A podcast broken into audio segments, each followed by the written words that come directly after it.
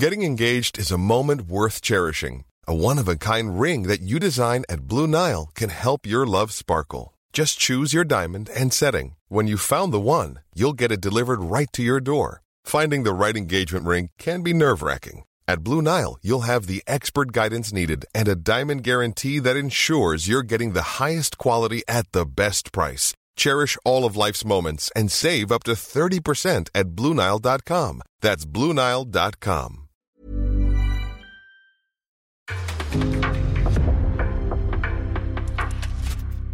En podcast från Aftonbladet.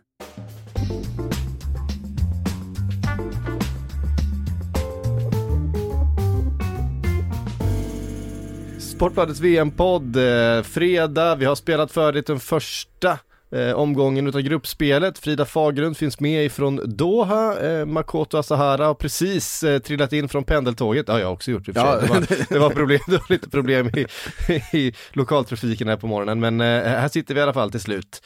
Ehm, vi har eh, välkomnat Brasilien och Portugal och Uruguay eh, och några fler in i handlingarna. Vi har en del att säga om det. Vi ska försöka summera den här första omgången också och se vart vi står Frida. Men eh, det jag faktiskt vill börja prata om det är alla de här kontroverserna, allt bråk. Eh, vi hade Tyskland som eh, inte bar eh, regnbågsbinden som man har sagt att man skulle göra istället, gjorde en gest under lagfotograferingen som indikerar på att man då blev tystad. Eh, det har varit öppna gräl mellan det tyska förbundet och mellan Fifa, FA och Fifa, det danska förbundet och Fifa. Igår i TV4, det vet jag inte ifall du noterade, du som befinner dig i Doha, så gick Janne Andersson ut och rasade mot Infantino i eh, eh VM-studion. Det är någonting som håller på att hända här eh, och det är kanske inte helt det är inte eh, bara en dålig sak känner jag att det nu blir den här typen av reaktioner, för det känns som att det är ändå de nationella förbunden som egentligen har möjligheten och makten att faktiskt eh, påverka Fifa och, och på riktigt få till en förändring. Det är bara trist att vi i Sverige aldrig kan leda såna här kampanjer eller såna här ja, Verkligen. Alltså, motattacker utan att vi alltid tvekar, eller vi säger jag, men att vårt förbund alltid tvekar och sen så hoppar de på tåget så fort några andra länder ja, men ser till att verkligen uttrycka sina åsikter och, och, och stå för vad de tycker, som i Danmark i det här fallet som går ut så himla starkt och, och ja, men verkligen sätter ner foten på ett sätt som man hade önskat att Sverige också skulle göra. Ja, alltså nu blir det ju Jan Andersson som får på något sätt representera svensk fotboll, men det svenska fotbollsförbundet har ju verkligen inte eh, gjort speciellt mycket för att, eh, för att få till någon förändring. Eh, man har ju valt att lägga sina träningsläger i Qatar, man har inte uttryckt något speciellt stort eh, missnöje mot Infantino eller Fifa, man har sagt att det var fel att lägga VM där, men det känns som det, det, kän, det har känts som efterhandskonstruktioner alltihop. Men vi har sett några utav de eh, som starka europeiska förbunden menar det tyska förbundet har varit väldigt, väldigt kritiskt mot Fifa den här veckan och det är ett, ett av de absolut starkaste förbunden såklart. Även FA, som ju kanske är det allra starkaste förbundet, även om de eh, inte har eh, delat ut samma smockor mot Fifa så har det funnits en ganska stark konflikt däremellan. Eh, det är på den nivån som liksom den här frågan har tagits.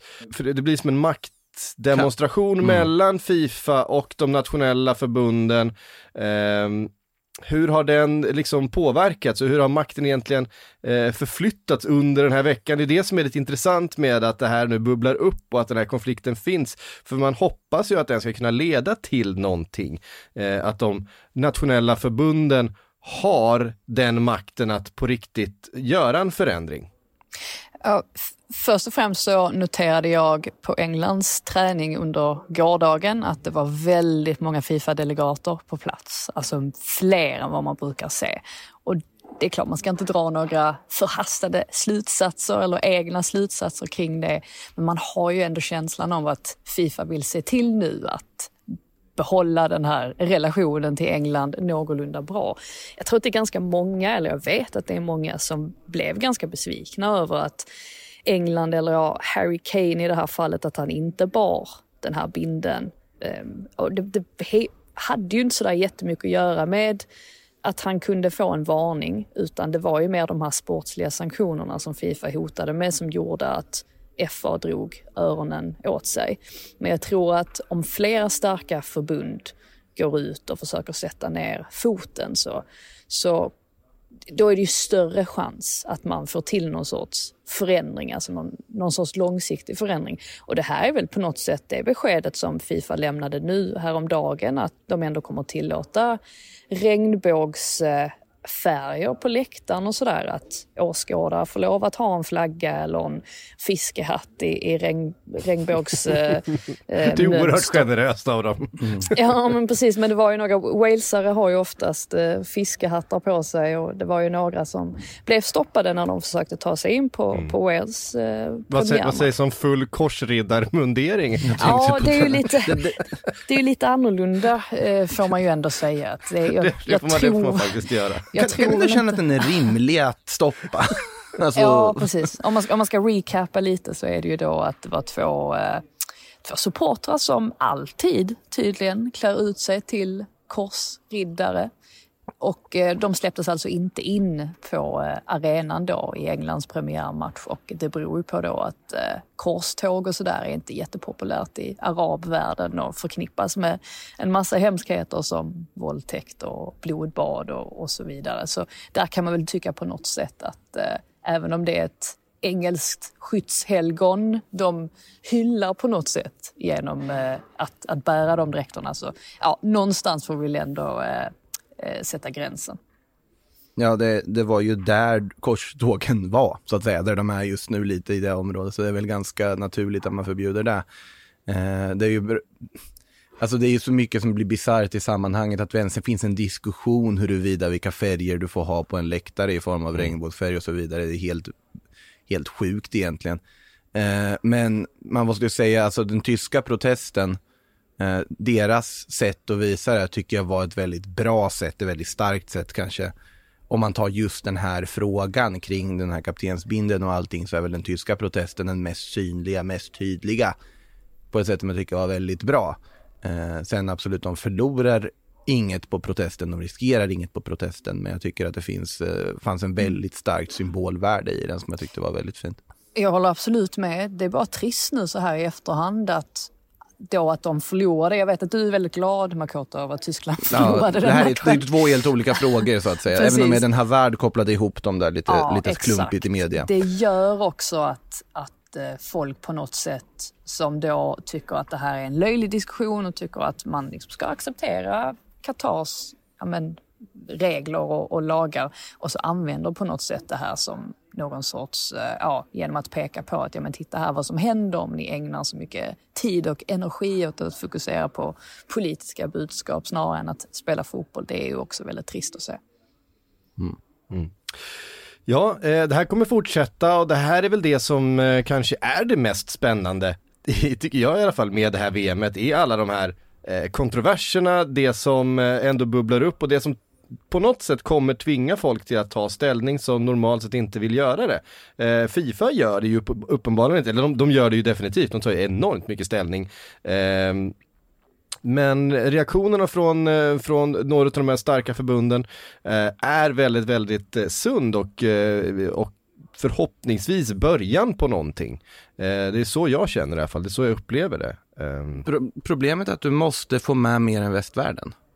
Ja, det är ju där så, så det finns en problematik att vi har ett Fifa idag som man tittar på hur de ska utöka VM till 48 länder. Det är inte för Europas skull de gör det. Det är för abs övriga medlemsländer de gör det. Och det tycker, jag, det tycker jag är väl en korrekt sak egentligen. Men samtidigt så du måste få med andra, alltså att få med till exempel ett Brasilien eller ett Argentina att visa att det här inte är okej. Att få andra andra kontinenters fotbollsförbund och också haka på det här tåget. Jag har svårt att se det hända i asiatiska förbundet, jag har svårt att se det i afrikanska förbundet, jag har svårt att se det i, ja möjligtvis nordcentralamerikanska då, men alltså det, du behöver mer än västvärlden på tåget, för alla kan väl ändå komma överens på något sätt om att det finns, ja. det finns vissa värden som man inte ska, ska peta på. Eh, sen, ja. Jag tänkte bara, flika in det, jag tänkte bara flika in det också, att det är ju ibland man glömmer det att varje röst i Fifa, alltså av alla mm. Fifa-medlemmar, är ju lika mycket värda. Alltså oavsett om man tillhörde ja, Venezuelas fotbollsförbund eller det svenska eller det engelska. Så varje röst väger lika tungt. Mm. Och det är ju jättedemokratiskt och fint. Men ibland innebär det ju också att det skapas den här typen av ja, men kulturkrockar och, och problem i sig där, där vi i, i vår del av världen tycker att en sak är självklar och sen så kikar du på kanske något afrikanskt land och håller inte de med alls. Jag hade en jättelång diskussion eh, igår faktiskt med en ghanansk journalist och, och vän också och, om just det här med att, att Eh, ja, men han menade på att ni måste förstå att vi i Ghana tänker olika. Och det, var, det var en jättebra diskussion att ha för att ibland glömmer man bort det att vi lever alla på olika sätt och vi, vi tycker inte likadant och vi är olika mycket religiösa och vi ser på religion på, på olika sätt. Det är bara svårt att, och få alla världens länder, eller alla länder som är med i Fifa, att på något sätt liksom mötas eh, på mitten. Men ja, vi tycker ju att det är självklart att, ja, men, att hbtq-personer de ska, de ska få ha sina, de ska få ha rättigheter. Alltså man ska behandla dem som människor. Man ska absolut inte se dem som brottslingar. Men alla tycker inte så. Nej, det, det blir ju också någon sorts otrolig underlig situation när Fifa går in och vill sanktionera Mexiko för att ha sjungit homofobiska ramsor när man på något sätt har valt att lägga ett VM i ett ställe där du har i grunden homofobiskt regelverk. Mm. Det, blir, det blir någon sorts krock. Alltså det är helt rätt att gå in och sanktionera för sånt, absolut. Men det blir så otroligt underligt bara alltihopa. Och liksom surrealistiskt och konstigt att förhålla sig till. Vi, eh, vi fortsätter följa de här reaktionerna, vi fortsätter följa utvecklingen och en fotbollsvärld som befinner sig eh, på väldigt många sätt i förändring. Eh, om det så gäller eh, klubblagsfotboll eller internationell fotboll. Jag tycker också att det här, eller jag tror vi har sett på framförallt så här, tittarsiffror i eh, Europa. Eh, vad var det tittarsiffrorna i Tyskland var ju så enormt mycket lägre än vad de var VM för fyra år sedan. Eh, vi pratar alltså hälften så många tv-tittare eh, i deras VM-premiär jämfört med VM-premiären i Ryssland. Det, kan ju uppstå någonting om delar utav Västeuropa på något sätt hakas av från den här scenen och inte blir lika intresserade, inte blir lika intressanta. Eh, för det är här på något sätt klubblagsfotbollen finns. Eh, klubblagsfotbollen som på många sätt är mycket större, det finns mycket mer pengar, det finns mycket större intresse sett över, eh, över tid för den europeiska klubblagsfotbollen. Det blir, eh, det blir intressant när, när den här eh, uppdelningen blir, blir mer och mer tydlig. Eh, vi har ju väldigt många här i Sverige, bojkottar VM, jätteintresserade, bryr sig om klubblagsfotbollen i Sverige bara. Alltså, eh, vi, ser att, att fotbollsvärlden håller på att fragmentera upp sig lite grann i olika världar. Eh, och... där, där, tycker jag på något sätt det finns vissa som eh, att ja men hur kan man följa det här mästerskapet och vissa som säger att hur kan man vara, vara så kritisk och hålla på sådär hela tiden. Låt alla välja själva. Allas gränser för vad som man kan acceptera ja. för att få se på fotboll ligger på olika ställen på något sätt. Ja, allas relation till fotboll ja. ser, all, ser olika ut. Allas känslor inför olika delar utav fotbollen ser uh, olika ut. Så att, uh, du, kan aldrig, du kan aldrig jämföra på det sättet. Men det som är intressant är att fotbollen håller på att förändras. Den, det sättet som vi såg på fotbollen som en enhetlig sak på något sätt, den finns mindre och mindre. Vi, vi är uppdelade i, i olika delar utav den här sporten som har mindre och mindre med varandra att göra. Um, är vi på väg Säg, till... säg inte att det ja. är bra eller dåligt, Super League är ett, liksom en, en, ett exempel på det, en reaktion på det som skulle driva den utvecklingen ännu mer. Eh, jag säger inte att det här är bra eller dåligt, jag bara noterar att det är någonting som händer och jag noterar också att den här eh, konflikten, det är klart att det nationella förbund har bråkat med Uefa och Fifa hur många gånger som helst tidigare, men det känns som att det är någonting kulturellt som är på väg att hända Eh, och det är eh, bra eller dåligt, det vet jag inte. Men det är i alla fall mm. intressant för oss mm. som följer fotboll. Ja, för att känslan har ju varit att det har varit en dystopisk känsla kring det här VMet och att detta har inneburit att vi går mot en, en mörk tid på något sätt. Men det är, det är väl som du säger, att det ger en kanske lite hopp ändå att vissa förbund går ut och sätter ner foten. Sen får, ja, precis som du säger får man väl se om det leder till ett mer splittrat Fifa eller ett mer, ja, en splittrad fotbollsvärld eller vad som nu än sker. Mm. mm. Ja men så kan det mycket väl bli. Alltså, vem vet, vem vet. Det är i alla fall eh, det är intressanta rörelser just nu i den eh, internationella fotbollsvärlden. Eh, så är det. Vi ska också prata om fotbollen som har spelats. Eh, ska vi börja med Tyskland, Japan då? Eftersom jag ser att du vill så väldigt gärna prata Japan, Makoto. jag får väl pudla från det jag sa senast vi satt i den här poddstudion ja, och sa skulle förlora med 4-0 och jag trodde det, är bara det en anti-jinx. Ja, det funkar tydligen. Nej, men alltså jag trodde det på fullaste allvar och när, efter en, en halvlek av den här matchen så kände man att det fanns ingen anledning att revidera det här tipset. För Tyskland hade väl 81 procent bollinnehav, bollen bodde på japansk planhalva. David Raum eh, kunde ju springa runt och använda, ja, raumet som fanns där på den där kanten hur mycket som helst. Det var helt bisarrt hur mycket yta och tid han fick för saker och ting och det var Tyskland, Tyskland, Tyskland. Sen vet jag inte om de vaggades in i någon sorts falsk säkerhet eller om det var Japan som kom tillbaka med ett helt annat lag. Man gjorde ju vissa ändringar i, i halvtid där man går ner på, man har noterat de här problemen som finns och ytorna man har släppt och tar in spelare för att ja, täcka upp. Tomiasu kom ju in då till exempel som inte, inte kunde starta. Eh, och eh, ja, och sen får man in offensiv kraft på ett sätt som ja, bara chockar Tyskland och chockar hela fotbollsvärlden egentligen.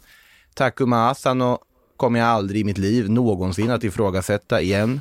Eh, han kan vara hur macho tränare han vill, han kan vara hur slut och trött han vill, han får missa hur många lägen som helst. Men när han går in där och dundrar upp den där målet som inte, det finns ju inte att han ska sätta det där skottet. Det är ju i noll vinkel och bara dundrar upp den förbi Manuel Neuer rakt upp i nättaket.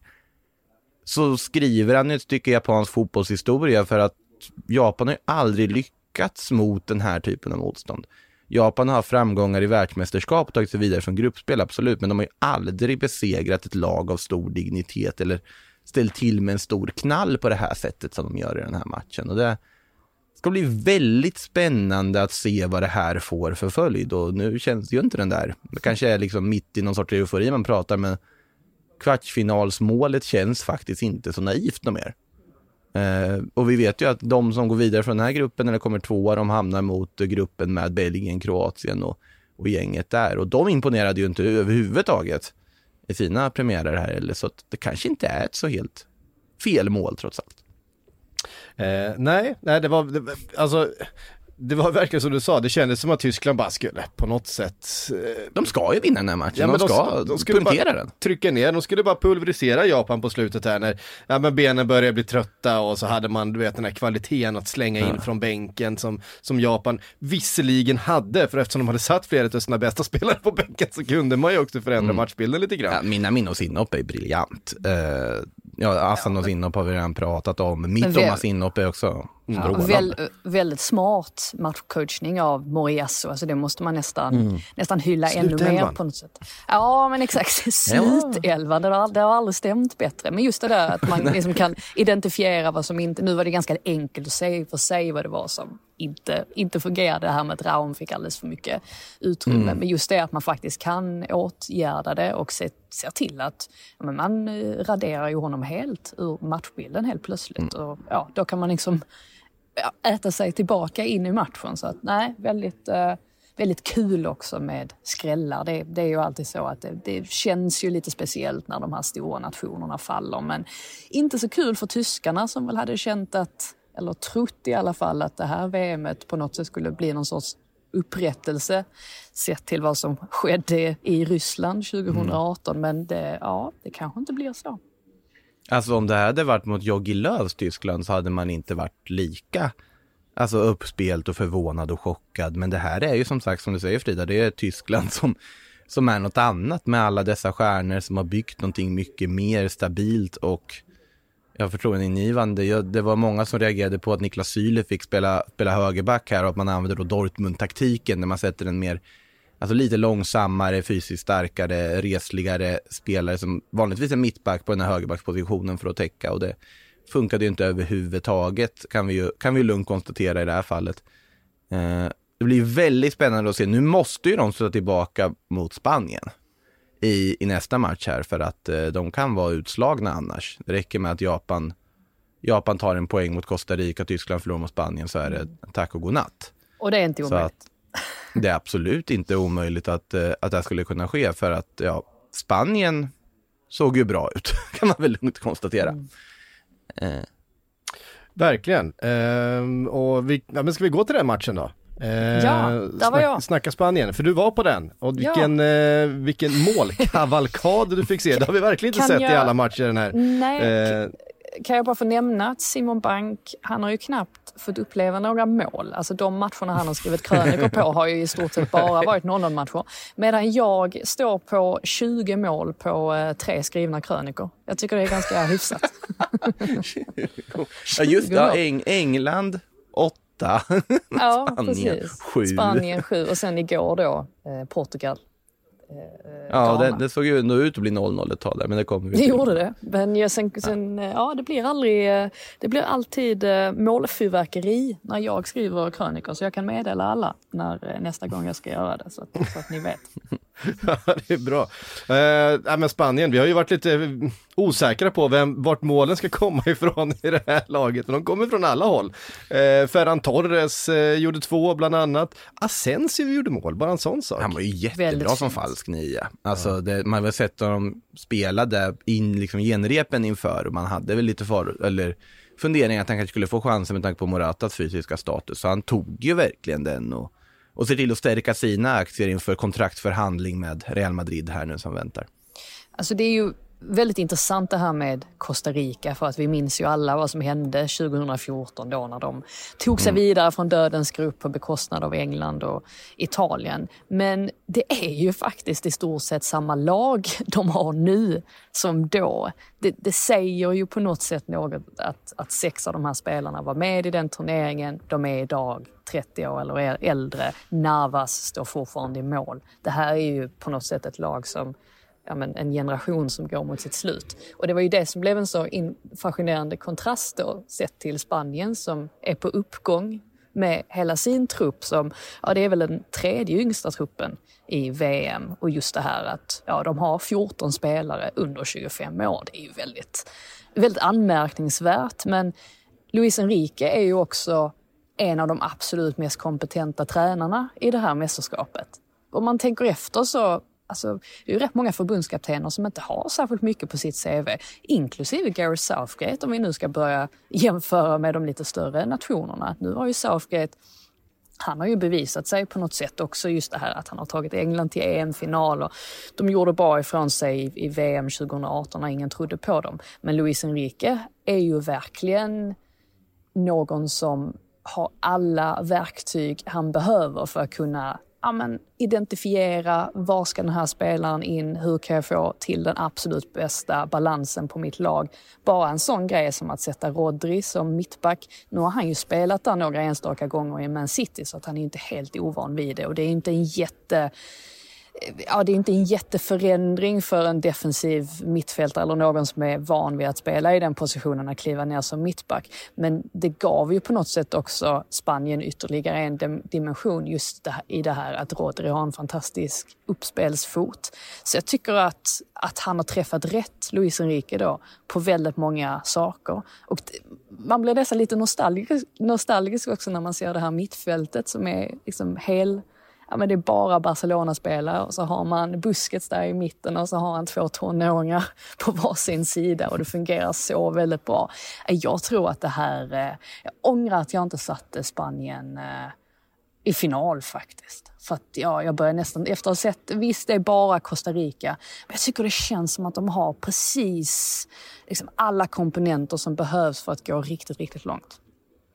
Alltså jag har ju varit en av Lucios största kritiker här eh, med laguttagningar och så vidare och jag vidhåller väl att mycket av kritiken är befogad. Det är tre, han, han tar inte ut de tre, bäst, alltså, tre bästa, bästa målgörarna som är spanjorer i den spanska ligan, säger väl en del också, men alltså så länge han gör de här resultaten så går det ju inte att ifrågasätta honom överhuvudtaget. Och han, han kör ju sin grej. Ja, och han har gjort det väldigt bra. Han har varit otroligt bra på att bara plocka bort all form av fokus och press från truppen. Han har tagit alltihopa själv. Det finns en anledning. Han sitter ju inte bara på Twitch på kvällarna för han tycker det är kul. Han gör det också för att han tar fokuset, han får kritiken, han kan ta kritiken, han är en otroligt alltså, karismatisk person och liksom avslappnad person som kan hantera det här. Och vi ser ju på truppen nu att de bara går ut och spelar fotboll. Det har ju varit eh, vittnesmål, José, José Gaya fick ju lämna dessvärre truppen i förtid på grund av skada. Han vittnade ju om att det här, jag har aldrig varit med om en så bra lagmoral och sammanhållning i en landslagstrupp som det är som man upplever här. Och det, är ganska, det säger ju en hel del om hur, hur rätt han har prickat på den här truppen, uppenbarligen, med facit i hand. Samtidigt, ja, det är Costa Rica de möter. Jag håller dem som ett av alltså VMs absolut svagaste lag, förutom Keylor Nava som jag tycker genuint synd om. När han äntligen får se dagsljus igen släpper han in sju mål mot Spanien. Uh, mm. Men uh, ja, det är ju lite upp till bevis att se vad de kan göra mot det här Tyskland. Det ska bli mm. otroligt intressant att se tycker jag. Uh, men så jag håller mig från att kanske skicka dem till en finalen. Men de har ju ett av de lagen som har stärkt sina aktier allra, allra mest i den här första gruppspelsomgången. Det råder det ingen tvekan om. Du kan, ja, men, men du får, får komma ihåg, jag vill bara säga att ja. du får komma ihåg att jag har skickat Uruguay till final inför det här mästerskapet. Så det är inte som att jag... Kommer, jag har skickat dem till semi så att vi, vi sitter i samma båt här Frida. Jag, jag, känner ju liksom att Spanien, och jag menar ju inte att Spanien, liksom, åh, de, de kommer verkligen till final. Jag bara menar att de, de har ju verkligen allting som mm. krävs för att ta sig dit. Alltså det är mest så mm. jag menar. Eh, jag passar på att skicka in en VM11, ett VM11-tips då eftersom det här kommer komma ut efter deadline. Eh, men det kanske var, kan vara till omgång tre med tanke på att Spanien har Tyskland i nästa då. Men Marcus Asensio är ju faktiskt uppsatt som mittfältare i, eh, i VM11. Oh. Det kan vara eh, det kan vara poäng att hämta där, han är inte så dyr heller. Hade inte eh, förvånat om man startar Morata mot Tyskland. alltså, det är ju, det är ja, ju Lucho. Han, han, han, han, han, han, han, när, ja, han var jättebra. När ni lyssnar på det här så kommer ju ändå liksom deadline före eh, omgång två var, var över. Så att det är till omgång tre och för, ja. framåt. Jag, jag ja, säger då, det, As Asensio på mittfältet. Ja men då har de ju vunnit två matcher och ska han vila alla mot Japan så är det Jeremy Pino, Nico Williams och någon mer. Han kanske kallar in Ferran Jutgla för han tycker det är kul. Eh, nej men alltså måste bara innan vi läm lämnar Spanien, alltså Moratas assist till Gavis mål Alltså allt i det här målet är ju så sanslöst hög kvalitet på. Den passningen från Moratas fötter, det visste jag inte han hade i sig. Gavi, han, blev lika förvånad som alla andra. Men Gavis avslut på en touch. Gavi är ju alltså då en rivig ung mittfältare. Det här är ju inte den liksom mest Alltså så här, det är ju inte Pedri, det är en Nej. helt annan typ av spelare. Det här är en gnällig, hårt jobbande spelare som tar lite för många gula kort.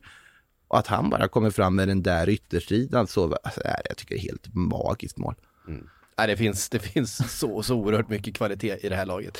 Eh, ska vi säga någonting om Uruguay och Sydkorea då innan vi, eh, Ska vi gå rakt går vidare på den? och pratar om de som alltså, spelar bra? Jag är arg. jag är arg. Eh, vem? jag är arg Suarez. på Uruguay. För att det, någonting jag har saknat i det här gruppspelet hittills är, vi fick lite av det i Portugal, Ghana, det ska medges, men alltså irritation, känslor och hets eh, hårda dueller, lite så här matcher som domaren har svårt att ens få kontroll över. Den typen av matcher saknar jag. Vi har inte haft ett enda rött kort i det här gruppspelet.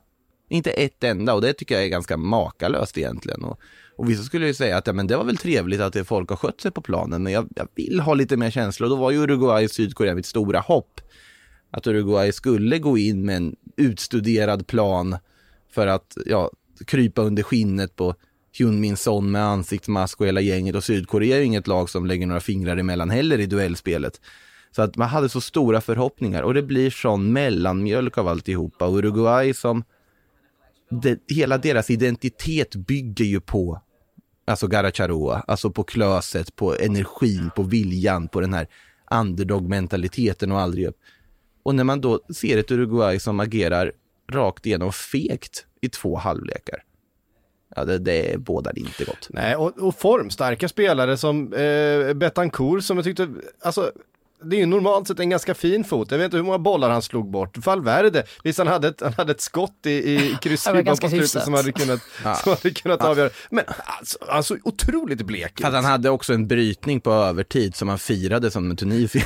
ja, jo, det, det hade han. Men det var för sent. Alltså, jo men alltså, här, ja visst, det är två bra grejer de sista tre minuterna utav matchen, men det är liksom, eh, vad gjorde han under 90 minuter? Vi har ju liksom hyllat honom som en utav hela, hela, du vet, hela Europas mest formstarka mittfältare behöver ha någonting, någonting med sig att jobba med också. Och sen Absolut, är det ju var... sorgligt att se Luis Suarez eh, helt utan förmåga att springa. Alltså han är så matchotränad så att det Eh, han orkar ingenting, det fanns ingen, det fanns ingen glöd, det fanns inget bett, det fanns, ingen, det fanns inga djupledslöpningar, det fanns inget pressspel. Det fanns inget bett ja. ja nej, men, det, men det fanns inget pressspel, det fanns inga djupledslöpningar. Då är det så här, men vad, vad, är han då på en plan för? Det är ju precis de här sakerna, hans djupledslöpningar, hans pressspel, hans intensitet, eh, som, det, det, är ju hela hans, hans fotbollsperson.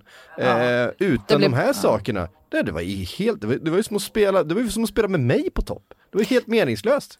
Ja, det blev ju bättre när Cavani kom in. Det går inte att säga någonting annat om. Däremot mm. Nunez, om man ska hitta någonting, någonting ja. liksom lite positivt. Han såg ju ändå rätt farlig ut till vänster.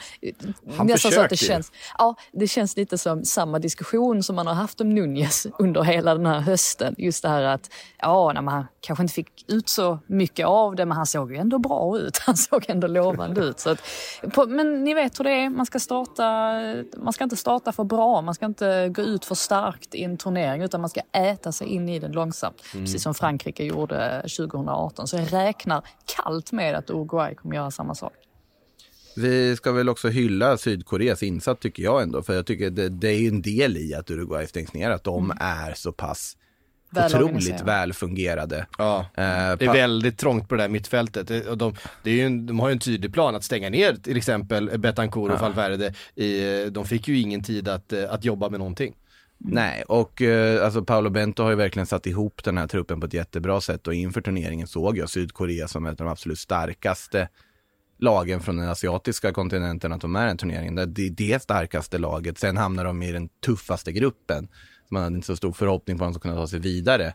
Men nu när man har med Son som ändå gör den match han gör här, absolut, han kanske inte kommer till några superlägen eller att gör supermycket väsen av sig, men han, om man vet att man möter Son så kommer mm. det ha ett extra öga och det ger plats för en spelare som Wang Yo till exempel att kunna, kunna komma till lägen. Han satte väl inte något av dem i och för sig här, men han hade ett riktigt bra mm, läge som han borde satt. Ja, det, till mm. exempel där ja. Så att, nej, jag tycker Sydkorea visade ganska positiva tendenser för dem är rätt jättebra första resultat att, att ta med sig in nu mot till eh, nästa match mot Ghana.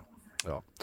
Eh, vi ska prata lite mer om den här gruppen, vi ska också prata Brasilien såklart eh, och vi ska prata Portugal eh, och så vidare men först några ord ifrån vår sponsor.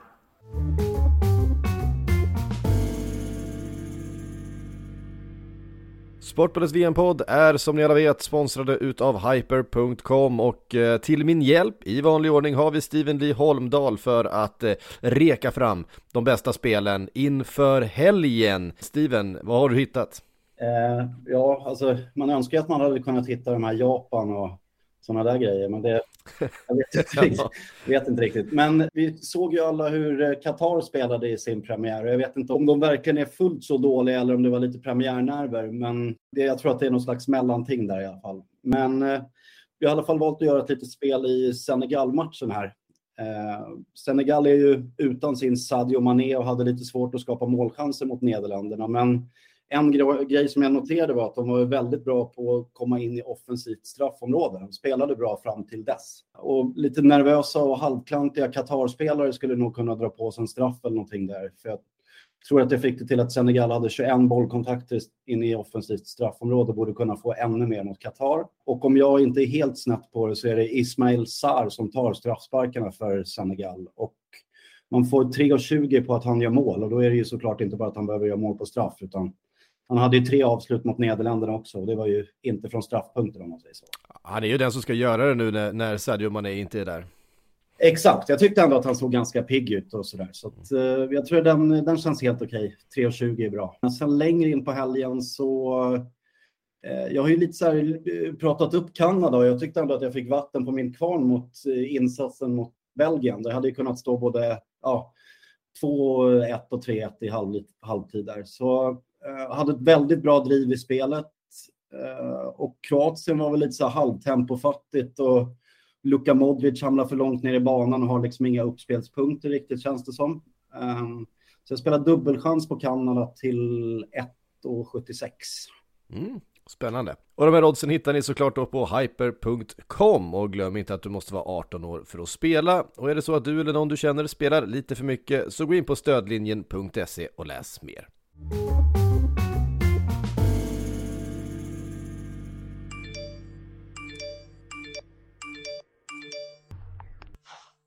Sms kan vara jobbiga, men det kan också vara ett sätt att göra skillnad. Gå med i Amnestys sms-nätverk alert där du kan skapa förändring direkt från din telefon. Det kostar ingenting och tar mindre än en minut. Det är superlätt att gå med. Bara smsa alert till 72990. Smsa alert till 72990. Ja, Brasilien klev in som sista stor nation, som sista eh, guldfavorit i handlingarna. Ja, det var ju sista matchen som spelades i eh, det här gruppspelet Brasilien mot Serbien. Serbien har vi ganska höga förhoppningar på också. Eh, en av den första omgångens eh, häftigaste matcher och det fick vi ju verkligen se. Vilken, eh, vilket ös det var i den, match, den här matchen och Richarlisons mål. Det är ju det, det är som det här det, det, det, är det här vi har med Brasilien för i de här sammanhangen. Om de inte gjorde sådana här saker hade de lika gärna kunnat stanna hemma. Men de gör ju alltid det. Så att... Eh, kan väl, inte Richard liksom ha förväntat sig skulle göra det. Men nej, det, men han, man, då blir man ju påminn om att han är också brasse. Ja, det, eh, det, ja. det var ju otroligt vackert och det var ju så mycket i den här matchen. Eh, det var ju såklart, alltså Neymar, och det som händer det är liksom den eh, skadan han åker på, vi får väl se vad, vad har sagts Stukad om Stukad fot är väl det fot. när man hörde från eh, slutet, alltså senaste Såg ingen kul ut på den här stillbilden i alla fall man såg, Nej. det var ju verkligen ett utsträckt ledband Han får ju så mycket, så mycket smällar också, ja. Mm. det, det, måste vara outhärdligt att vara honom faktiskt och ha spelare ja. på sig. Och de var på, på honom serberna, så det var, var, ja. var det tio minuter in som han delade ut sin första eftersmäll, eller eftersläng efter att ha blivit kapad tre, fyra gånger. Eh. Och så här, alltså det, jag tycker att det är någon som får kanske mest oförtjänt skit i fotbollsvärlden på just liksom sin spelstil och för att vara Ja, för att, för att falla lite lätt och så vidare, det är ju Neymar. Vem skulle inte alltså, falla ibland när man får så mycket stryk och så mycket tjuvknep konstant? Mm. Och ja, det här är en uttjatad diskussion, men Nej, det, det finns få spelare som får så mycket stryk på en fotbollsplan som Neymar. Det, det finns en eh. annan i Premier League också. Bukayo Saka får rätt mycket stryk i Arsenal ja, verkligen. faktiskt. Mm. Fast han, han har väl inte direkt ryktet om sig att vara en liksom, alltså svandykare på samma sätt om vi säger så. Nej, det, det, det alltså, har han ju inte men, men stryk Det är ju lite så. Ja, nej, men den typen utav, utav spelare, de här som utmanar väldigt mycket en mot en, som spelar nära sin, eh, sin försvarare, sin eh, mm. mittfältare och eh, hela tiden spelar med ganska hög fart, som både Neymar och, och, och Bukayo Saka. Även Jack Grealish är ju också en sån spelare som får, han är också väldigt, väldigt bra på att få med sig de där frisparkarna. Ja, nästan på ett, ja, nästan på ett irriterande sätt i hans Ja, men han har gjort det i en konstform. ja, verkligen. verkligen. Nej men eh, vår egen Fredrik Ljungberg var ju en sån en gång i tiden. Hans främsta egenskap under eh, några säsonger med Arsenal var att han alltid fick med sig frisparkar. Eh, vilket blev liksom ett taktiskt vapen nästan. Det, det, det var ju inte så att han filmade på något sätt. Det var ju hans spelsätt, att han var så otroligt bra på att ta sig förbi mm. den där metern som gjorde att ja, men försvararen hade inget annat alternativ än att plocka ner honom. Det där är ju också, Neymar är ju briljant på just det. Det är väl någonting som saknas i en viss annan brasiliansk yttersrepertoar, Vinicius Junior, för han är ganska bra på att inte få med sig frisparkar i många lägen vägen för att han ibland verkligen faller för lätt och domarna är väl medvetna om det och det kan vara många gånger när han borde ha fått frispark han inte får det i och med att han ofta tar den chansen. Det var märkligt dock på honom tycker jag, en av Brasiliens absolut bästa spelare i den här matchen, vilken var, han var taggad på att göra VM-debut och, och satte fart där på sin vänsterkant och utmanade konstant och gjorde ju gjorde det till en tuff afton för, för det serbiska försvaret. Det är ju verkligen, det är ju fest varje gång Brasilien kliver in i en turnering. ja. alltså det, det, mm. det, var den enda matchen där jag kände att jag måste se den här. För jag var ju på Portugal-matchen. Alltså jag, jag mm. sprang mm. allt vad jag kunde till, till en sportbar bara för att liksom hinna se när de klev ut på arenan och så. Det är alltid något speciellt, just den här sammanhållningen de har. Alltså det finns en gemenskap i Brasilien som jag tror att även om den existerar i andra landslag också så är det ändå någonting speciellt med den alltså, brasilianska kulturen och mm. nej, men sättet de verkligen är som en familj på. Alltså det räcker ju att man, att man kan lite, lite portugisiska med brasiliansk dialekt så blir man behandlad som en i gänget på något sätt. Trots att de är så himla många invånare och så betyder det så mycket för alla de spelarna också att representera Brasilien och det märks ju på något sätt. Alltså varenda mål här som de firar är ju, de firar ju så innerligt och liksom kramar om varandra på ett sätt som man känner att Gud, man vill vara en del av det själv. på något sätt. Sen kan jag tycka att det är roligt ändå att Rafinha spelar till, eh, eller att han, han tar plats i startelvan. För eh, även om han är en en väldigt bra spelare, det är inte det. Jag, jag, tycker bara att det är så märkligt med tanke på att ja, Brasilien har, man har så väldigt många spelare att välja bland. Så ser man Rafinha där. Men, ja, han var ju nära mål ett par gånger, mm. får man ju säga. Tite håller ju Rafinha otroligt högt och han är ja. väl en av dem. Han är ju mer självskriven i den här startelvan än Vinicius är, alltså på pappret inför. Eh, mm. Det, det, alltså Neymar ska ju in givetvis, Rikardisson är första valet på topp och Rafinha kommer spela på den högerkanten. Sen vad man använder till vänster, det har varit lite olika, men att Vinicius kommer nog fortsätta spela i det här mästerskapet efter hans insats. Jag tror Rafinha lär göra detsamma.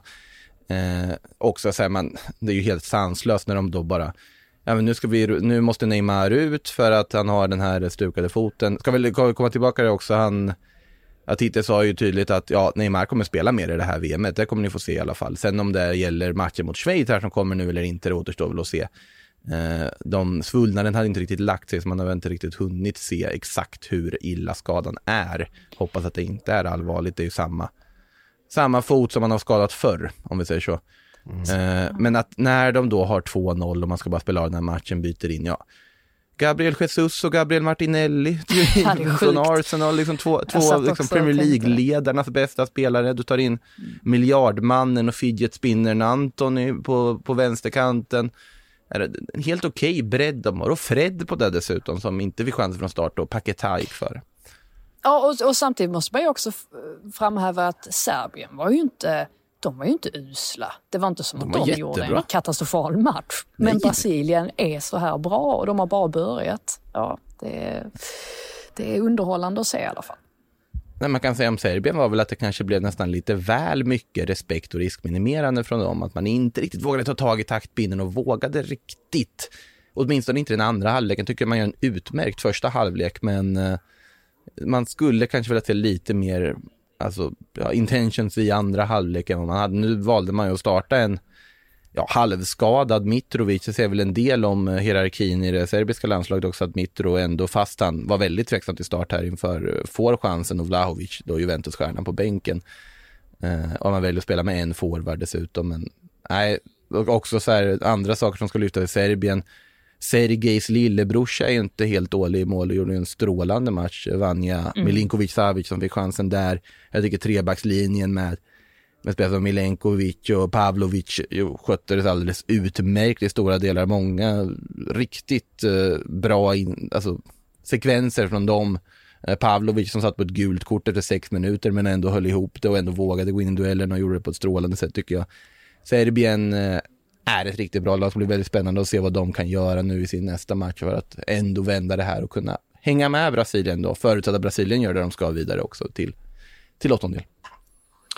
Ja, ett annat lag som eh, klev in och eh, gjorde succé till slut var Portugal.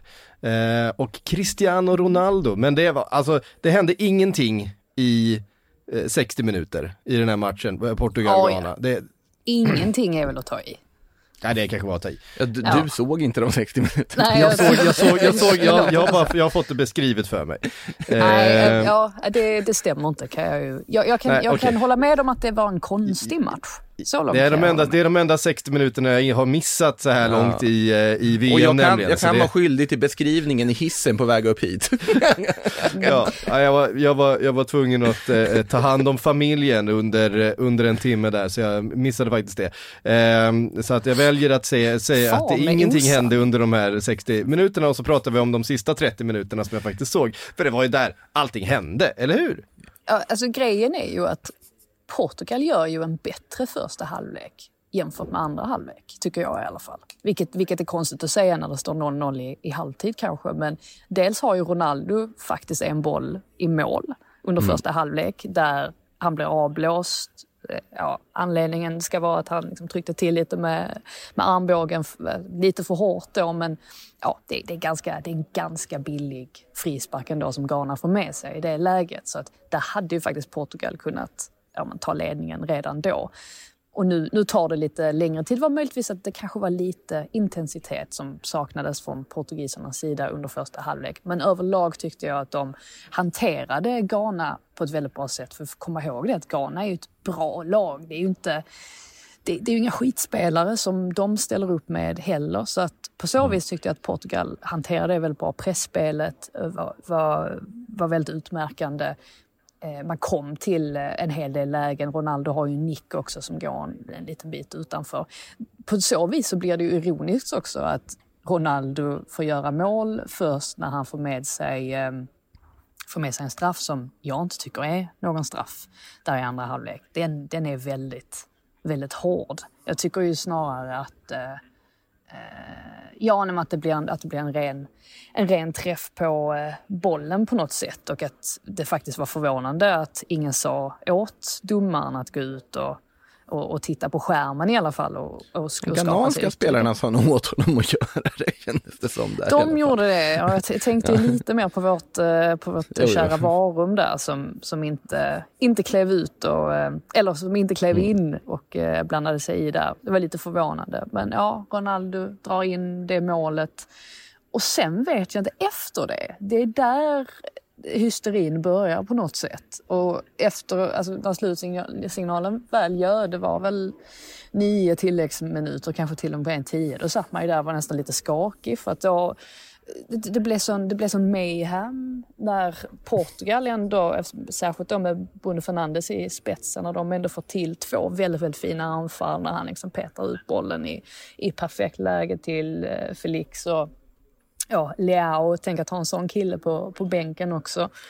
Och de liksom tar grepp om matchen, tror man. Så kommer Ghana tillbaka gång på gång och håller ju faktiskt på att få med sig en poäng där. Alltså Bukari måste ju gräma sig något oerhört att han inte får någon träff på, på bollen där i, i, i det läget som man får. Så att Nej, de, eh, oturligt för, för Ghana för att den andra halvleken var väldigt öppen trots att eh, Portugal lyckades göra tre mål i den.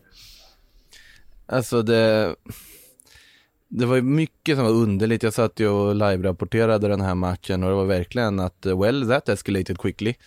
Eh, när, mm. Alltså först då kvitteringen från Ayew av alla människor. Ja, Andrew Ayew dyker upp och gör målet VM, bara en sån sak. Eh, och sen alltså hela situationen med Joao Felix som eh, hamnar i något, något gräl där och det fanns en viss liksom så här skallningsrörelse som eh, alltså beivrades med ett gult kort i en ghanansk spelare. Eh, därefter då Felix mål när det var helt öppet plötsligt från ingenstans och så kommer 3-1 och man tänker så här, Rafael, när kommer Rafael Leao in? Och man blir helt förvirrad för han hade bytt in då lite i smyg där precis innan 2-1 målet och när man var känner det hans första touch? Ja, det måste det vara. Det var hans ja, absolut första touch och den är ju briljant touch dessutom.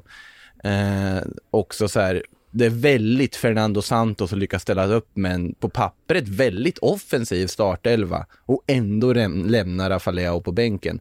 Sen tycker jag att den här matchbilden som var, den hade inte passat Rafaleao i första halvlek. Det var för lite ytor att springa och utnyttja.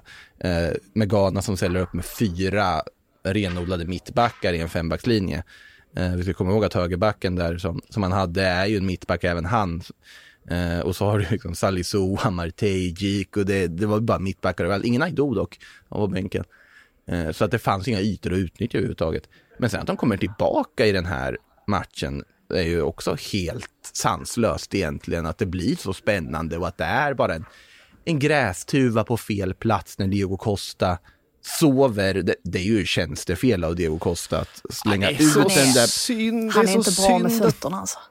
Det är så synd att det inte lyckas, att han inte får göra det där målet. Det hade varit, det hade varit hela, hela VMs största stund Uh, om, Iñaki, om, om, om Iñaki Williams hade lyckats snå till den och rulla in den kvitteringen med eh, liksom tre sekunder kvar eh, och spela. Det hade, varit så, det hade varit så otroligt, det hade varit ett av de största VM-ögonblicken i mitt liv. eh, så känns det. Ja, alltså den första VM-matchen han nyligen valt eh, sitt fädernesland Ghana att representera. Mm. Jag tycker första halvlek absolut, han var ju ett hot hela tiden, men jag tycker Portugal stängde ner honom på ett ypperligt sätt, för det var ju kontringarna på långt upp och en mm. vindsnabb Iñaki Williams var ju planen.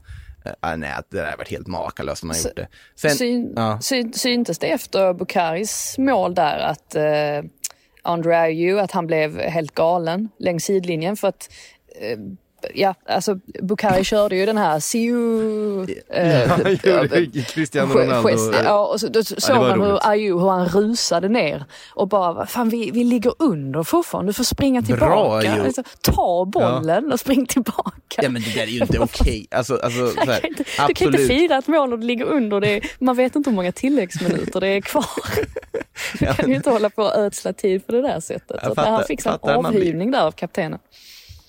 Jag fattar man blir glad på att göra sitt första VM-mål och mot Portugal och allt vad det innebär. Men, och att, att absolut, han hade väl tänkt att om jag gör mål ska jag, ska skicka en Ronaldo-signal här mot Portugal. Men, men snälla rara, alltså, du kan inte hålla på så där i det här läget. Det var bra att någon sa till honom. Men det, det blir ju så liksom antiklimaktiskt när de ändå då inte vinner och han har gjort den där. Och man, nej.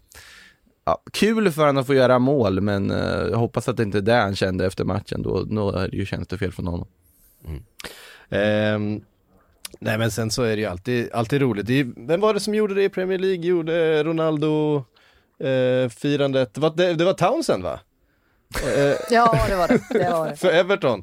Eh, och det, eh, alltså jag tycker alltid att man ska håna eh, individuella varumärken i lagidrott. Jag är ju som bekant emot allting som har med individuella utmärkelser och individuella varumärken apropå, i, i, i lagidrott. Apropå underliga saker, nu kommer jag hoppa tillbaka lite snabbt, men vi måste ändå avhandla det här. Vad säger ni om Rydgers löpsteg?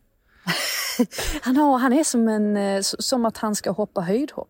Ni vet sån här ansats. Alltså, och så hoppar man så lite med knäna. Men, men var alltså, det ett hån? Eller, eller, alltså, men Rydiger vet man inte, han kanske bara tyckte det där var kul att göra just då och kände för det. Det kan mycket väl vara så, men eller var det ett hån mot att han bara, kolla vad snabbare jag är än Asano? Men det, det, det är rätt skönt också att springa så. Ni vet när man liksom, ja men, liksom där man springer jättesnabbt och så gör man så i slutet. Det är ju ganska det kanske är därför jag, han gör det. Jag har aldrig provat måste jag säga. Aha, okay. Nej. Men jag bara har du hoppat höjdhopp Frida? Nej men så, ja man har väl gjort lite friidrott. Ja alltså i skolidrotten absolut. Ja. ja men när man hoppar häck och sådana där grejer. Nej, det är kanske ingen som... Ja, vi, vi, vi hade nog aldrig häckhoppning på höjdhoppstester när vi hade på Borgsmo IP i Norrköping som högstadieelev. Okay. Nej, men, eh, eller hade vi det? Ja, spelar ingen roll. Nej, men det var, det var en, en av gruppspelets stora höjdpunkter i alla fall, tyckte jag, den lilla sekvensen. Det var det jag ville säga. Nu kan vi gå tillbaka till där vi var. Yes. Eh, vi har, eh, ska vi se här vem, vilken match vi har Ska vi fråga Belgien också kanske? Nej, har vi, vi har inte pratat om den tråkigaste matchen. Jo, Uruguay-Sydkorea. Nej, det var inte den tråkigaste matchen. Den tråkigaste matchen var Schweiz-Kamerun. Den kan vi ta. eh, ja vi tar då den tråkigaste matchen enligt Frida, Schweiz-Kamerun. Eh, det, var inte, det var inte jättespännande, det var det verkligen inte. Eh, men eh, ja, vad ska man säga? Eh, en boll det, det, det saknas ju, det, ja men Brelan Bolo, det var ju fint på något sätt hela den, eh, mm. hans mål, att han inte firade, det är hans eh, födelseland, hans pappa bor fortfarande där eh, och så vidare. Det är ju sällan man ser ett sånt icke-firande i landslagssammanhang just att man, eh, vi ser ja, det här klubb, är mitt tidigare landslag. Ja, i, i, i klubblagsfotboll ser vi liksom hela tiden i stort mm. sett när man har flyttat och man vill visa respekt för, för motståndarna. Det är väldigt ovanligt att se i, eh, i, i de här sammanhangen, men det var fint. Och det var kanske det enda vi tar med oss från den här matchen, eller vad säger du Frida? Ja. ja, jag kanske var lite hård då. Jag tyckte den var, den var rätt så trist i alla fall, den här matchen. Men kul för, eh, jag vill inte ens säga Schweiz. Jag får alltid höra att jag uttalar det fel. Och jag förstår ja, inte riktigt Du gör ju tyvärr det. Ja. Men hur ska, jag, hur ska jag säga, lär mig det? Schweiz. Schweiz. Alltså med, med Så som det stavas. S-C-H. och sen eh, Jag tror jag byter till mitt andra språk. Eh, Switzerland blir det från och med lättare att säga. Jag tror det är för att jag är skåning, ärligt talat. Jag, jag skyller på det. Jag tror inte att skåningar... Jag har aldrig fått höra detta. In, innan jag flyttade till Stockholm fick jag aldrig höra att jag sa eh, eh Schweiz fel. Schweiz. Tur att vi inte har Kevin Bader här. Men de säger ju Schweiz. Ja, det, ja, det, det, ja, ja men det alltså det är fortfarande sh och t. Ja, i alla fall. Ja, det, det, det, det här känns som två lag, tycker jag, som, som inte kommer gå vidare från den här gruppen. Mm. Eh, det kan jag nog, alltså ja, vad som helst kan hända mellan Schweiz och Serbien, så är det ju. Jag är lite besviken på Kamerun. Jag tyckte att de, det, fanns, det finns ganska mycket bra kvalitet, alltså Sambo Angisa, Mm. Världens bästa mittfältare. Han, han alltså, tappade intresset i andra halvlek. Ja men det gör han ibland. Alltså, men han kan framstå som att han tappar intresset lite men han är ju fortfarande briljant. Eh. Var ju, ja, var ju rätt frediga på omställningar ibland ju. Kamerun, det var de. de var ju inte helt de hade ju behövt utnyttja något av sina lägen när de tyckte de hade det ganska rejält övertag i första halvlek. Eh, Choupo-Moting bestämde väl sig för att dock att eh, fortsätta följa i eh, Lewandowskis fotspår med att vara fullkomligt uddlös i landslagströjan med lagkaptensbilden på armen. Fast jag tyckte han såg ganska... Han missar ju lägen han inte har missat i eh, FC Bayern om vi säger så. Verkligen, men han, var, han, han, skapade ändå rätt mycket. Han var väldigt nyttig i den där ja, offensiven. Sen får man säga att båda lagen var eller så här, Schweiz var ju uddlösa framåt förutom målet, men var ju väldigt, väldigt eh, eh, noggranna i defensiven. Det var ju ett väldigt fint försvarsspel på många av de här eh, ganska fina eh, kamerunska omställningarna. Mm. Eh, Å andra sidan så var Schweiz rätt uddlösa eh, framåt, eh, vilket gjorde att eh, Kamerun inte behövde anstränga sig sådär väldigt mycket. Sen eh, står de ju och sover på målet verkligen. Eh, vet, inte var, vet inte vart försvaret tog vägen, det var bollen bara passades in till Brelan som stod där eh, fem meter framför målvakten och kunde bara pricka in den. De, de stod och tittade på något helt annat, eh, det kamerunska försvaret. Men, eh, eh Noterar ni också att när Choupo-Moting byttes ut så gav han lagkaptensbinden till Abu Bakar som bara tog på sig den rakt av själv. Och då börjar man ännu, ännu en tanke att om bara forward får vara lagkapten, är det inte Samuel Eto'o som ändå tagit ut det där laget i, i bakgrunden? Bara, bara en fundering. Mm. Eh, det finns en annan kandidat annars till, till eh, tråkigaste matchen i gruppspelet och det är ju Kroatien-Marocko. Ja, oh, just det. Den har jag helt glömt ja. bort. Vi har helt glömt bort ja, den, den, gruppen. Den, jag försökte ta oss in på Belgien här förut, så ja, hamnade på Schweiz-Kamerun i en djupanalys istället. Men vi, vi börjar med Belgien istället, eller? Ja, det gör, det gör vi. Det gör vi. Eh, absolut. Och det, alltså, det var ju som eh, eh, Eh, Jonas Eriksson sa i, i, i, studion att det är nog sista matchen han dömer i det här VMet. Eh, Vår han, såg rädd, alltså, han såg rädd ut, gjorde han inte det? Alltså det såg ut, han såg eh, skraj ut i ansiktet var, varje gång kameran zoomade in och det är ju inget bra ja. tecken. Nej. Nej, alltså Kanada skulle ha haft tre straffar, nu fick de en. Eh, men de skulle ha haft tre straffar i, i den här första halvleken. Eh, och, ja, det, så jävla, och det var så konstigt när det blir sådana situationer där där vi då har VAR och VAR gör inte någonting åt det. Eh, när det är ganska uppenbara situationer. Sen är det ändå huvuddomarens beslut i grunden. Mm. VAR är ett hjälpmedel, det ska vi komma ihåg i allting och säga varför gör inte VAR någonting? Att det är huvuddomarens beslut huruvida han vill använda sig av rådgivningen som görs där uppifrån. Och jag tror att det där, det där är väl ett problem som överlag har funnits där. Absolut, jag förstår att man ska ha domar från många olika länder. Men det, var ju, det är ju ett hopkok, det är ju rena liksom FN-mötet inne på varummet ibland mm. och man tänker att hur ska det här gå ihop? Och det är många olika kulturer, olika sätt att arbeta. Absolut, det finns något väldigt fint i att man ska samarbeta på så vis. Men jag tror att det också kommer att innebära vissa liksom förbristringar mellan huvuddomare och VAR-team. Mm. När du inte har väldigt tydliga, mer liksom samarbetade lag som jobbar tillsammans. Kan jag känna att man kanske skulle haft så att du har ha lite färre domare, att alla domare tar med sig ett eget VAR-team. När det inte varit så. De har ändå lagt väldigt många miljarder på det här mästerskapet. Kunnat betala en, dubbelt så många domare att åka dit också. Och ha VAR-team från några av de bästa ligorna som är vana att jobba med varandra. Det tror jag hade kunnat vara, vara någonting vettigt ändå. Ja, mm. det, var, det kändes otroligt orättvist när Batshuayi gjorde 1-0 för Belgien i alla fall för att de hade sett fint så mål fruktansvärt.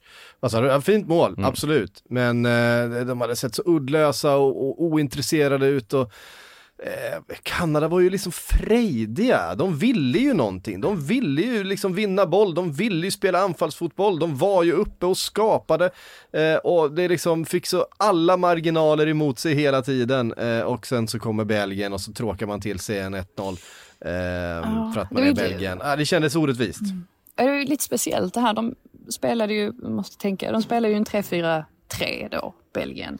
Och ja, de försökte liksom trycka fram Thielemans på något sätt, men de kändes... Man brukar prata om det här med relationer mellan spelare och jag tyckte det kändes som att inga, inga relationer mellan de offensiva spelarna överhuvudtaget. Och De Bruyne var ju inte alls på samma våglängd som alltså, ja, men de som ska ta ta de här djupledslöpningarna och de som ska öppna upp planen. Det var väldigt eh, förvånansvärt osammanhängande i alla fall alltihop. Att de inte, att de inte alls såg ut att vara ja, men, att de drog inte åt samma håll helt enkelt. Och det, jag, jag, jag tyckte att det var Även om jag inte trodde att Belgien, eh, jag tippar inte dem i final om jag säger så, men jag trodde ju inte att det skulle se så här illa ut för att det gjorde det ju faktiskt.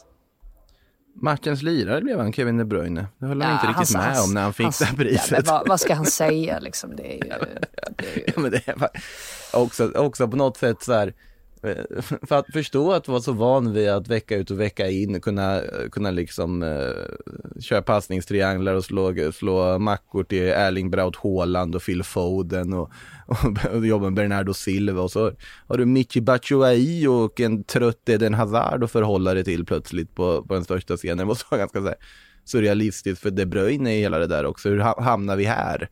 Att Michi Batshuayi plötsligt dyker upp i ett världsmästerskap igen. Det har varit, det har varit Fenerbahce-anfallarnas VM detta hittills. eh, oh, där är han ju nu för tiden. Jag, eh, jag måste gå, för jag ska på Wales, kom jag på. Ska du Wales? Jag fick, ja, jag fick precis en biljett såg jag här. Jag stod på standby-lista. ja, eh, den, ja, de börjar snart så att du har lite bråttom då. Jösses, ja, vi hörs. vi hörs. Tack. Vi tackar, vi tackar, vi Frida då. Jösses, jag ska på Wales. ja, men så där kan det ju vara. Vi har ju sett det under det här mästerskapet att eh, eh, det är ju inte fullt. Eh, på läktarna. Eh, och det, går ju, det dyker ju upp eh, biljetter och uppenbarligen också akkrediteringar eh, även, i sista, även i sista stund. Um, ja, det är väl också att det är så hårt tryck på Wales-Iran. Ja, i och för sig, i Iran finns ju många olika aspekter som gör det väldigt intressant att följa vad, vad de gör i den här matchen och, och, så vidare. Men, nej, men kul för Frida att få gå på Wales-Iran. Ja, får eh, säga. Vi måste också knyta ihop här innan det är dags att... vi kan säga så här innan bara, Kroatien var väl ungefär lika imponerande som Belgien tycker jag. Otroligt uddlöst mot eh, ett Marocko som led lite av samma problem som Kamerun gjorde. Om man ska dra de afrikanska lagen över, över ett, eh, en kam så att säga. att eh, finns bra tendenser men vill sig inte riktigt i lägena de får och de kommer nog få det svårt också. Ja. En liten blick framåt då mot eh, eh, den andra omgången. Några höjdare vi har att se fram emot, såklart Spanien, Tyskland. Eh, kanske hela gruppspelets eh, riktiga, riktiga stormatch eh, hittar vi ju där i grupp eh, E. Det F. är det. E. Grupp E. Eh, vad har vi mer som vi tar eh, Japan, Costa Rica samma dag. Det är en perfekt start på dagen där på söndagen. eh, Frankrike-Danmark blir väldigt, väldigt spännande med tanke på att Danmark då har slagit Frankrike två gånger i mm. upptakten inför eh, det här eh, VMet då i Nations League, eh, där man är i samma grupp. Eh, jag vet att Frankrike kommer in till den matchen med en oerhörd respekt för Danmark. Mm. Eh, och jag vet också att de franska, att franska journalister jag har lyssnat på ehm, och fransk fotbolls Twitter och så vidare, man har en eh, väldigt, väldigt respekt för Danmark efter de här två matcherna för att det är ett Frankrike som har ställt upp med ett bra lag, mm. med stora förhoppningar, med, med ganska mycket, man har sett de här Nations League-matcherna som uppladdning inför VM. Och sen har man och, du vet, och blivit ja. fullständigt faktiskt eh, med, helt rättvist eh, Rättvist pulveriserade. Besegrade utav, utav Danmark. Eh, nu var det kanske inte Danmark som kom upp på den nivån i sin första match, men Danmark vet ju också att de kan slå det här mm. Frankrike. Men de vet också att de är under extrem press att lyckas mot Frankrike nu i och med mm. det första resultatet. Så att det är inte, jag, jag tror att Danmark kan få det tufft alltså. Mm. Eh, det jag ser mest fram emot på lördagen är faktiskt inte den matchen, utan det är ju Argentina-Mexiko dock. Argentina-Mexiko. Eh, det är, ja, Hur ska Argentina med Messi ta tillbaka efter den där Saudiarabien-knallen? Mm. Hur ska Mexiko hantera det här när de bara fick ett eh, oavgjort mot Polen och behöver ta, få ett bra resultat här? är den där gruppen är otroligt intressant tycker jag. Eh, den matchen kommer man vara bänkad framför kan jag säga. Ja, Portugal-Uruguay på måndag. Vi har inte gett upp om Uruguay än så länge. Om de bara kan få samla sig lite grann och, och, reda ut vad fan de håller på med så tror jag Portugal kan få en ganska tuff eh, måndagkväll faktiskt. Jag vill ha in Pepe i startelvan då, det är ju en sak som är säkert i alla fall. det är klart du vill. Pepe mot Suarez vill vi ju ha. Jag tror att Suarez måste sitta på bänken i den här matchen. De kan, Så, inte, de kan inte starta en match till mot. Sen kan han kanske komma in sista kvarten eller sådär. Han eh, behöver någon som hetsar upp honom. Han ja, behöver ju någon som väcker det där i honom. Han kan ju inte springa. Han kan inte springa. Eh, jag tror att Cavani och Darwin eh, Nunez tillsammans mot, mot Pepe. Mot Pepe. ja, men det är mer, mycket mer löpstarkt och det blir mycket ja. större ytor för, för mittfältet mm. att, att spela bollen på med, med de två eh, anfallarna. Så jag tror att eh, det är så de måste göra faktiskt för att mm. eh, kunna rå på det här. Så är det. Eh, portugisiska laget. Eh, hörde ni, tack för den här veckan. Vi är tillbaka på måndag igen. Då ska vi prata om allt det som händer i helgen. Då blir det uppföljningar på, eh, ja men Tyskland, Spanien, bland annat Argentina, Mexiko. Eh, och så vidare och sen så kör vi då eh, måndag, onsdag, fredag även nästa vecka genom hela gruppspelet och sen vidare. Och eh, såklart en full recap på den japanska chockförlusten mot Costa Rica på söndag. Givetvis ska ni få det. Hörde ni, tack för den här veckan. Vi ses efter helgen igen. Du har lyssnat på en podcast från Aftonbladet. Ansvarig utgivare är Lena K Samuelsson. Ready to pop the question? The jewelers at BlueNile.com have got sparkle down to a science with beautiful lab-grown diamonds worthy of your most brilliant moments. Their lab-grown diamonds are independently graded and guaranteed identical to natural diamonds, and they're ready to ship to your door. Go to Bluenile.com and use promo code LISTEN to get $50 off your purchase of $500 or more. That's code LISTEN at Bluenile.com for $50 off. Bluenile.com code LISTEN.